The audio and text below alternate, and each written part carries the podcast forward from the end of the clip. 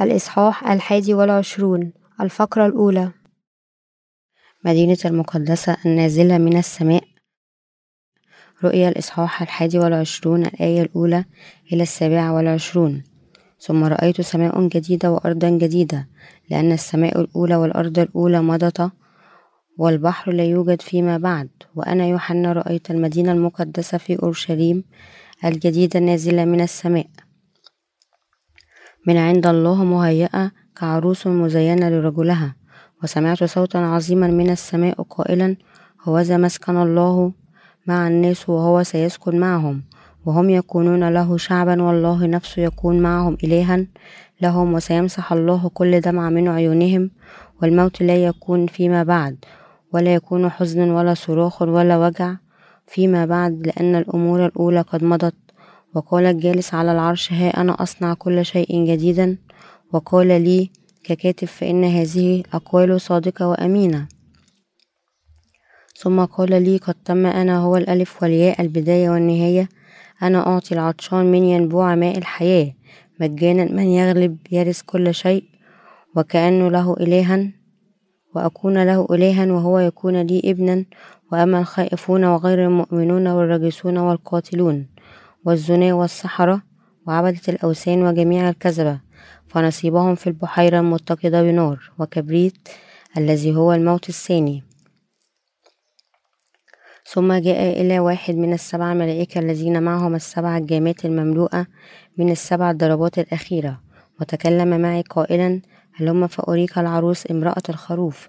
وذهب بي بالروح إلى جبل عظيم عالي وأراني المدينة العظيمة أورشليم المقدسة النازلة من السماء من عند الله لها مجد الله ولمعانيها شبه ككرم حجر كحجر يشبه بلوري بلوري وكان لها سور عظيم وعالي وكان لها اثنا عشر بابا وعلى الأبواب اثنا عشر ملاك وأسماء مكتوبة هي أسماء أسباط بني إسرائيل الاثنى عشر من الشرق ثلاثة أبواب ومن الشمال ثلاثة أبواب ومن الجنوب ثلاثة أبواب ومن الغرب ثلاثة أبواب. وسور المدينة كان له اثنا عشر أساسا وعليها أسماء رسل الخروف الاثنى عشر. والذي كان يتكلم معي كان معه قصبة من ذهب لكي يقيس المدينة وأبوابها وسورها. والمدينة كانت موضوعة مربعة طولها بقدر العرض فقاس المدينة بالقصبة مسافة اثنا عشر ألف غلوة الطول والعرض والارتفاع متساوية وقاس سورها مئة وأربع وأربعون ذراعا ذراع إنسان أي الملاك. وكان بناء سورها من يشب المدينة ذهب نقي شبه زجاج نقي. وأساسات سور المدينة مزينة بكل جرائم الأساس الأول يشب الثاني ياقوت أزرق الثالث عقيق أبيض الرابع زمرد زبابي الخامس جذع عقيقي السادس عقيق أحمر السابع زبرجد الثامن زمرد سلقي التاسع ياقوت أصفر العاشر عقيق أخضر الحادي عشر أسمنجوني الثالث الثاني عشر جمشت والثالث والإثنى عشر بابا إثنتا عشر لؤلؤة كل واحد من الأبواب كان من لؤلؤة واحدة.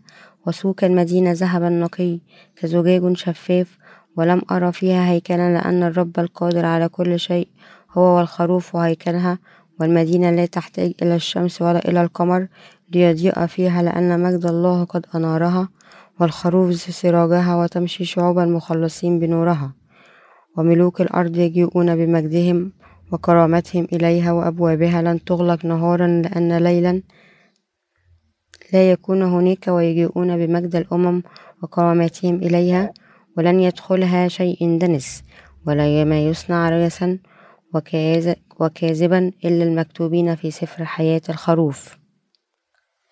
التفسير الآية الأولى الآن رأيت سماء جديدة وأرضا جديدة لأن السماء الأولى والأرض الأولى قد ماتتا أيضا كان هناك مزيد من البحر.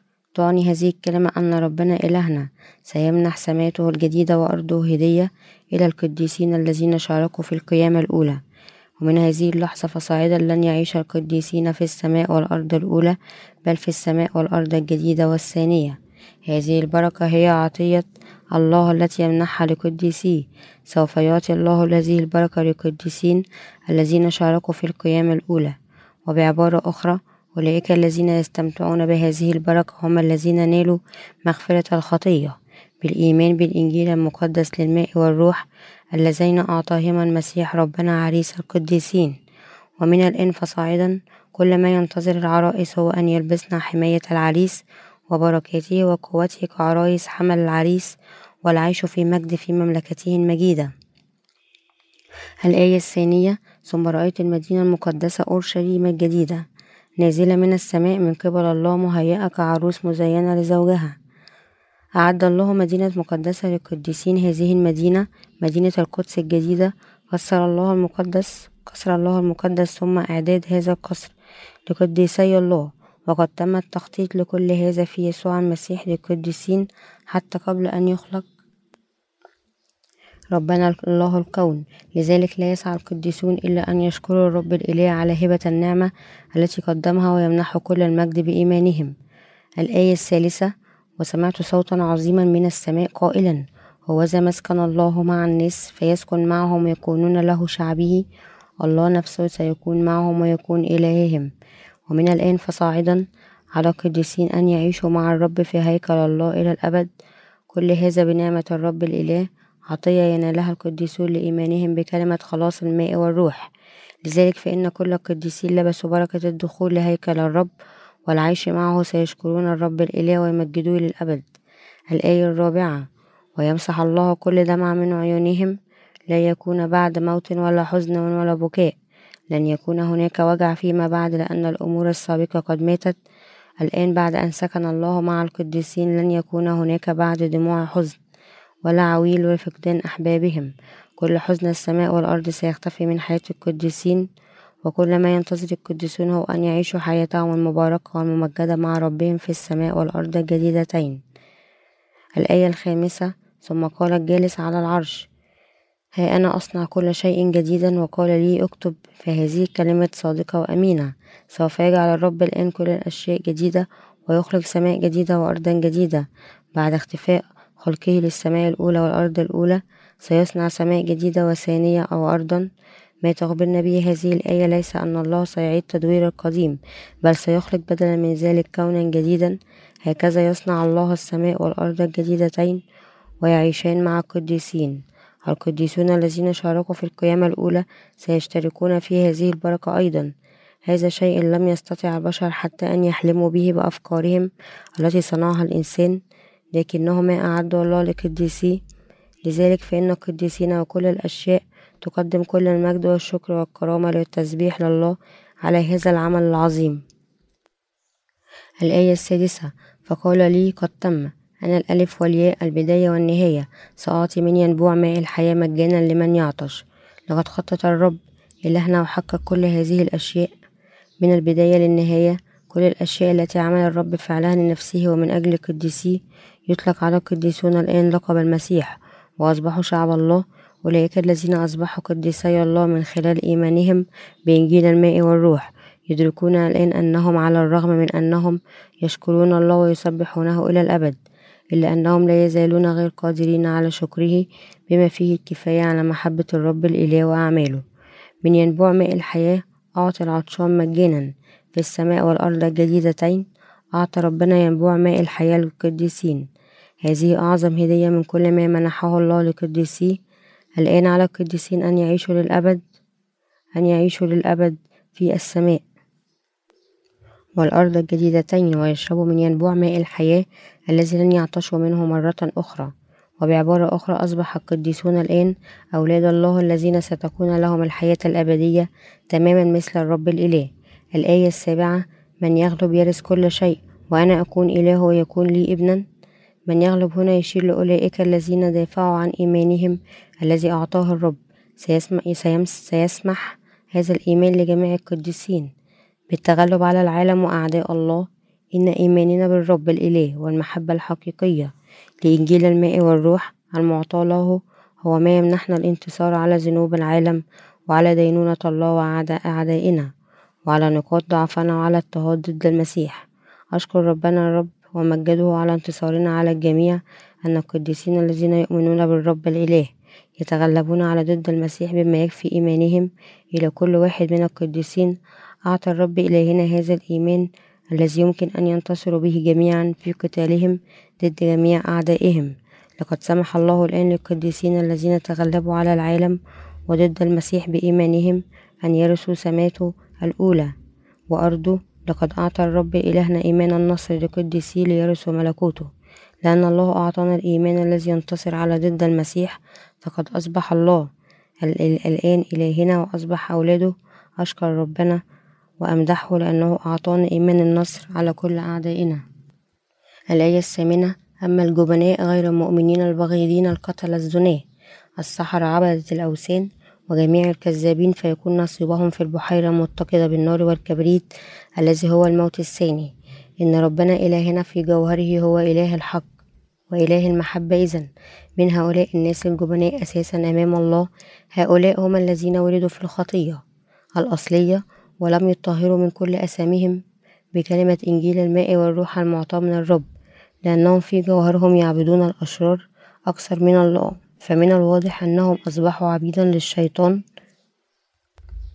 لأنهم يعبدون الشر أمام الرب الإله ولأنهم يحبون الظلم ويتبعونها أكثر من النور. فلا يمكنهم إلا أن يكونوا جبناء أمام الرب. الله في جوهره هو النور. لذلك فمن الحقائب الثابتة فمن الحقائق الثابتة أن هؤلاء الناس الذين هم في حد ذاتها الظلمة سيخشون الله كما تحب أرواح أولئك الذين ينتمون إلى الشيطان الظلمة. فهم جبناء أمام الله الذي هو نور نفسه لهذا يجب أن يأخذوا شرهم وضعفاتهم إلى الله وينالوا منه مغفرة خطاياهم. أولئك غير المؤمنين الذين لا تؤمن قلوبهم أساسا بمحبة ربنا إلهنا وإنجيله للماء والروح. هم أعدائه وأعظم الخطاة أمام الله. إن أرواحهم من المقيت وهم يقفون ضد الله ويحبون ويرتكبون كل خطية ويتبعون الآيات الباطلة. ويعبدون جميع أنواع الأصنام ويتكلمون بكل أنواع الأكاذيب. لذلك بحكم الله البار سيطرحون في البحيرة متقدين بالنار والكبريت. هذا هو عقابهم بالموت الثاني. لم يسمح الله لسماء وأرض الجديدتين لهؤلاء الناس الجبناء أمامه والذين لا يؤمنون بكلمة إنجيله والذين تحولوا إلى خدام للشيطان وهم مكروهون بدلا من ذلك. سمح لهم ربنا فقط بعقوبته الأبدية وألقى بهم جميعا بما في ذلك القتل والزنا والجنسيين السحرة وعبدة الأوثان وجميع الكذابين. في بحيرة النار والكبريت الذي سيعطيهم الله بذلك وموتهم الثاني. الآية التاسعة. ثم جاء إلى واحد من الملائكة السبعة الذين كانت الجامعة السبعة الممتلئة بالضربات السبعة الأخيرة. وتحدث معي قائلا تعالى سأريك العروس امرأة الحمل. قال أحد الملائكة الذين أحضروا إحدى ضربات سبع جامات ليوحنا تعالى سأريك العروس زوجة الحمل هنا تشير زوجة الحمل. إلى أولئك الذين أصبحوا عرائس ليسوع المسيح من خلال الإيمان بقلوبهم في إنجيل الماء والروح. الآية العاشرة إلى الحادية عشر وأخذني بالروح إلى جبل عظيم وعالي وأراني المدينة العظيمة أورشليم العظيمة. نازلة من السماء من عند الله لها مجد الله. كان ضوءها مثل أسمن حجر مثل حجر اليشب واضح مثل الكريستال. تشير عبارة المدينة العظيمة القدس المقدسة إلى المدينة المقدسة حيث يعيش القديسون مع عريسهم. هذه المدينة التي رآها جون كانت بالفعل جميلة ورائعة. كان حجمه مهيبا مزينا بالأحجار الكريمة من الداخل إلى الخارج نظيفا وواضحا. أظهر الملاك يوحنا أين ستعيش عرايس يسوع المسيح مع عريسهم. إن نزول مدينة القدس المقدسة هذه من السماء هو عطية الله التي سيمنحها لزوجة الحمل. تتألق مدينة القدس ببراعة ونورها وأشبه بأغلى حجر. كحجر يشبه واضح كالبرور. لذلك فإن مجد الله معهم. إلى كل من يعيش فيها إلى أبد الآبدين. إن ملكوت الله هو ملك النور. وبالتالي فقط أولئك الذين تم تطهيرهم من كل ظلماتهم. وضعفهم وخطاياهم. يمكنهم الدخول إلى هذه المدينة على هذا النحو. يجب علينا جميعا أن نؤمن أنه لكي ندخل هذه المدينة علينا أن نتعلم ونعرف ونؤمن بالكلمة الحقيقية لإنجيل الماء والروح التي أعطانا إياها ربنا. الآية الثانية عشر وكان لها سور عظيم ومرتفع مع اثنا عشر بابا واثنا عشر ملاكا على الأبواب وأسماء مكتوبة عليها وهي أسماء الأسباط الإثنى عشر لبني إسرائيل. كانت أبواب هذه المدينة محروسة من قبل إثنى عشر ملاكا وكتبت عليها أسماء الإثنى عشر سبطا من بني إسرائيل. كان للمدينة سور عظيم وعالي يخبرنا أن الطريق لدخول هذه المدينة صعب للغاية. إن الخلاص من أثامنا أمام الله أمر مستحيل بالجهود البشرية أو بالأشياء المادية لعالم خليقة الله. لكي نتحرر من ذنوبنا وندخل مدينة الله من المطلوب أن يكون لدينا نفس إيمان. تلاميذ يسوع الاثنى عشر الإيمان الذي يؤمن بحقيقة إنجيل الماء والروح. لا يمكن لأي شخص ليس لديه هذا الإيمان بإنجيل الماء والروح أن يدخل المدينة المقدسة. لهذا السبب اثنا عشر ملائكة عينهم الرب يحرسون بواباتهم. من ناحية أخرى فإن عبارة الأسماء المكتوبة عليها تخبرنا أن مالكي هذه المدينة تم تحديدهم بالفعل. أصحابها ليسوا سوى الله نفسه وشعبه لأن المدينة ملك لشعب الله الذين أصبحوا الآن أولاده. الآية الثالثة عشر ثلاثة أبواب في الشرق وثلاثة في الشمال وثلاثة في الجنوب وثلاثة في الغرب. نظرا لوجود ثلاثة بوابات في شرق المدينة تم وضع ثلاثة بوابات لكل منها في الشمال والجنوب والغرب. هذا يبين لنا أن أولئك الذين نالوا مغفرة الخطية بالإيمان بإنجيل الماء والروح بقلوبهم يمكنهم دخول هذه المدينة. الآية الرابعة عشر وكان لسور المدينة اثنا عشر أساسا وعليها أسماء رسل الحمل الاثنى عشر. تستخدم الصخور الضخمة كأساس للمباني أو الصروح. تستخدم كلمة صخرة في الكتاب المقدس للإشارة للإيمان بربنا. تخبرنا هذه الآية أنه لدخول مدينة الرب الإله المقدسة. يجب أن يكون لدينا الإيمان الذي أعطاه للبشرية الإيمان الذي يؤمن بفدائه الكامل من كل ذنوبنا إيمان القديسين أغلى حتى من أحجار المدينة المقدسة. تخبرنا الآية هنا أن سور المدينة بني على اثنى عشر أساسا وكتب عليها أسماء رسل الحمل الاثنى عشر. يخبرنا هذا أن مدينة الله مسموح بها فقط لأولئك الذين لديهم نفس الإيمان الذي كان للرسل الاثنى عشر ليسوع المسيح. الآية الخامسة عشر والذي كلمني كان عنده قصبة من ذهب ليقيس المدينة وأبوابها وسورها تعني أنه للدخول للمدينة التي بناها الله يجب أن يكون لدي المرء نوع الإيمان الذي يوافق عليه.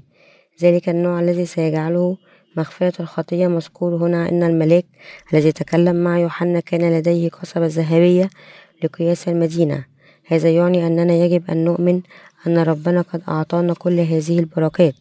في إنجيل الماء والروح بما أن الإيمان هو جوهر الأشياء المأمولة. عبرانيين الإصحاح الحادي عشر الآية الأولى فقد أعطانا الله حقا المدينة المقدسة والسماء الجديدة والأرض أشياء أعظم مما كنا نأمله. الآية السادسة عشر المدينة مرتبة على شكل مربع طوله بقدر عرضه وقاس المدينة بالقصبة اثنا عشر ألف غلوة. الطول والعرض والارتفاع متساويين. تم تصميم المدينة على شكل مربع بقياس الطول والعرض والارتفاع. يخبرنا هذا أنه يجب أن يكون لدينا الإيمان بأن نولد مرة أخرى كشعب الله. من خلال الإيمان بإنجيل الماء والروح الواقع لن يسمح ربنا لأي شخص ليس لديه هذا الإيمان الدقيق بإنجيل الماء والروح بالدخول إلى ملكوت الله. هناك العديد من الأشخاص الذي لديهم فكرة غامضة مفاداها أنهم يدخلون المدينة المقدسة بمجرد كونهم مسيحيين حتى لو كان لا يزال لديهم خطية لكن ربنا أعطى الخلاص من الخطية والروح القدس وجعل شعبه فقط أولئك الذين يؤمنون بالحق أنه قد غفر لهم كل أساميهم من خلال معموديته على هذه الأرض ودمه على الصليب. الآية السابعة عشر. ثم قاس حائطها منه وأربع وأربعين ذراعا على مقياس الرجل أي قياس الملاك. المعنى الكتابي للرقم أربعة هو المعاناة. إن الإيمان الذي يطلبه الرب منا ليس شيئا يمكن لأي شخص أن يمتلكه ولكن هذا الإيمان لا يمكن الحصول عليه إلا من قبل أولئك الذين يقبلون كلمة الله. حتى لو لم يتمكنوا من فهمها بالكامل بأفكارهم الخاصة كمسيحي من المستحيل الدخول إلى مدينة الله المقدسة بمجرد الإيمان بصليب يسوع وأن الرب هو الله والمخلص هل تعرف ما قصده الرب عندما قال في يوحنا الإصحاح الثالث الآية الخامسة الحق الحق أقول لكم إن لم يولد أحد من الماء والروح لا يقدر أن يدخل ملكوت الله. هل تعرف معنى مجيء ربنا لهذه الأرض؟ هو معمد من يوحنا حاملا خطايا العالم للصليب وسفك دمه عليها إذا كان بإمكانك الإجابة على هذا السؤال. فستفهم أنني أتحدث عنه هنا. الآية الثامنة عشر بناء سورها من اليشب وكانت المدينة من الذهب الخالص مثل الزجاج الصافي. تخبرنا هذه الآية أن الإيمان الذي يسمح لنا بدخول مدينة الله المقدسة هو طاهر وليس له أي شيء في العالم على الإطلاق. الآيات التاسعة عشر إلى العشرون تزين أساسات سور المدينة بجميع أنواع الأحجار الكريمة. الأساس الأول يشب والياقوت الثاني والعقيق الأبيض. والرابع الزمرد والعقيق الخامس والعقيق السادس والسابع الكريسيوليت البريل الثامن التوباز التاسع الكريسبوريس العاشر والياقوت الحادي عشر والجمشت الثاني عشر وزينت أساسات سور المدينة بجميع أنواع الأحجار الكريمة تخبرنا هذه الكلمة أنه يمكننا أن نتغذى من جوانب مختلفة من الإيمان من كلمة ربنا وهذه الأحجار الكريمة تبين لنا أنواع البركات التي يعطيها ربنا لقديسيه الآية الحادية والعشرون كانت الأبواب الاثنى عشر اثنتا عشر لؤلؤة. كل باب كان من لؤلؤة واحدة وشارع المدينة ذهب خالص مثل الزجاج الشفاف. يشير بيرل إلى الحقيقة في الكتاب المقدس متى الإصحاح السادس والأربعون الآية الثالثة عشر. إن الباحث الحقيقي عن الحقيقة سوف يتخلى بكل سرور عن ممتلكاته لامتلاك الحقيقة التي تمنحه حياتها الأبدية. تخبرنا هذه الآية أن القديسين الذين سيدخلون المدينة المقدسة يحتاجون للكثير من الصبر بينما هم على هذه الأرض واقفين بثبات في مركز إيمانهم بالحق. وبعبارة أخرى يحتاج أولئك الذين يؤمنون بكلمة الحق التي قالها الرب الإله لمصابرة كبيرة للدفاع عن إيمانهم. الآية الثانية والعشرون إلى الثالثة والعشرون. ولكني لم أرى فيها هيكلا لأن الرب الله القدير والحمل الهيكل هيكلها لم تكن المدينة بحاجة للشمس أو للقمر لتشرق فيها لأن مجد الله أنارها الخروف نوره. وهذا المقطع يعني أنه سيتم احتضان جميع القديسين في أحضان يسوع المسيح ملك الملوك ومدينة القدس المقدسة. ليست بحاجة إلى نور الشمس أو القمر لأن يسوع نور العالم سوف ينيرها. الآية الرابعة والعشرون وتسلك أمم المخلصين في نورها وملوك الأرض يجلبون إليها مجدهم كرامتهم. يخبرنا هذا المقطع أن الأشخاص الذين عاشوا في الملك الألفي سيدخلون الآن السماء الجديدة والأرض. تشير عبارة ملوك الأرض هنا للقديسين الذين كانوا يعيشون في الملك الألفي. وتتابع الآية أن ملوك الأرض هؤلاء سيأتون بمجدهم وكرامتهم. يخبرنا هذا أن القديسين الذين كانوا يعيشون بالفعل في أجسادهم الممجدة ينتقلون الآن من الملك الألفي إلى مملكة الله الجديدة المكونة من السماء والأرض الجديدة وعلى هذا النحو. فقط أولئك الذين ولدوا مرة أخرى من خلال الإيمان إن إنجيل الماء والروح أثناء وجودهم على هذه الأرض وبالتالي تم اختطافهم للعيش في مملكة المسيح لألف عام سيكون قادر على دخول مدينة القدس المقدسة. الآية الخامسة والعشرون أبوابها لن تغلق نهارا لن يكون هناك ليل لأن السماء والأرض الجديدة حيث تقع المدينة المقدسة مملوءة بالفعل بالنور المقدس فلا يمكن فيها أن يكون فيها ليل ولا شرير. الآية السادسة والعشرون. ويدخلون فيها بمجد وكرامة الأمم. يخبرنا هذا أنه من خلال القوة المذهلة للرب الإله فإن أولئك الذين عاشوا في مملكة المسيح منذ ألف عام مؤهلون للانتقال إلى مملكة السماء والأرض الجديدة المملكة التي تقف فيها المدينة المقدسة الآية السابعة والعشرون. ولكن لن يدخلها بأي حال من الأحوال أي شيء ينجس أو يسبب رجسا أو كذبة. ولكن فقط أولئك الذين كتبوا في سفر حياة الحمل من بين المسيحيين وغير المسيحيين في هذا العالم على حد سواء. كل أولئك الذين لا يعرفون حقيقة إنجيل الماء والروح هم نجسون ورجسون وكاذبون. لذلك لا يمكنهم الدخول للمدينة المقدسة. تسمح لنا كلمة الله هنا أن نؤكد مدى قوة إنجيل الماء والروح اللذين أعطانا الرب على هذه الأرض. وعلى الرغم من أن بشر كثير من الناس على هذه الأرض بإنجيل الماء والروح فقد كانت هناك أوقات تم فيها تجاهل هذا الإنجيل واحتقاره حتى من قبل المسيحيين المزعومين لكن فقط الإيمان بإنجيل الماء والروح الذي أعطاه الرب هو مفتاح السماء. لا يزال الكثير من الناس يجهلون هذه الحقيقة لكن يجب أن تعلم أن أي شخص يدرك ويؤمن أنه بإنجيل الماء والروح قد أعطاه الرب مفاتيح السماء ومغفرة الخطية سيكون له حقه. اسمها مكتوب في سفر الحياة إذا قبلت وتؤمن بحق إنجيل الماء والروح سوف تلبس بركة دخولك إلى المدينة المقدسة.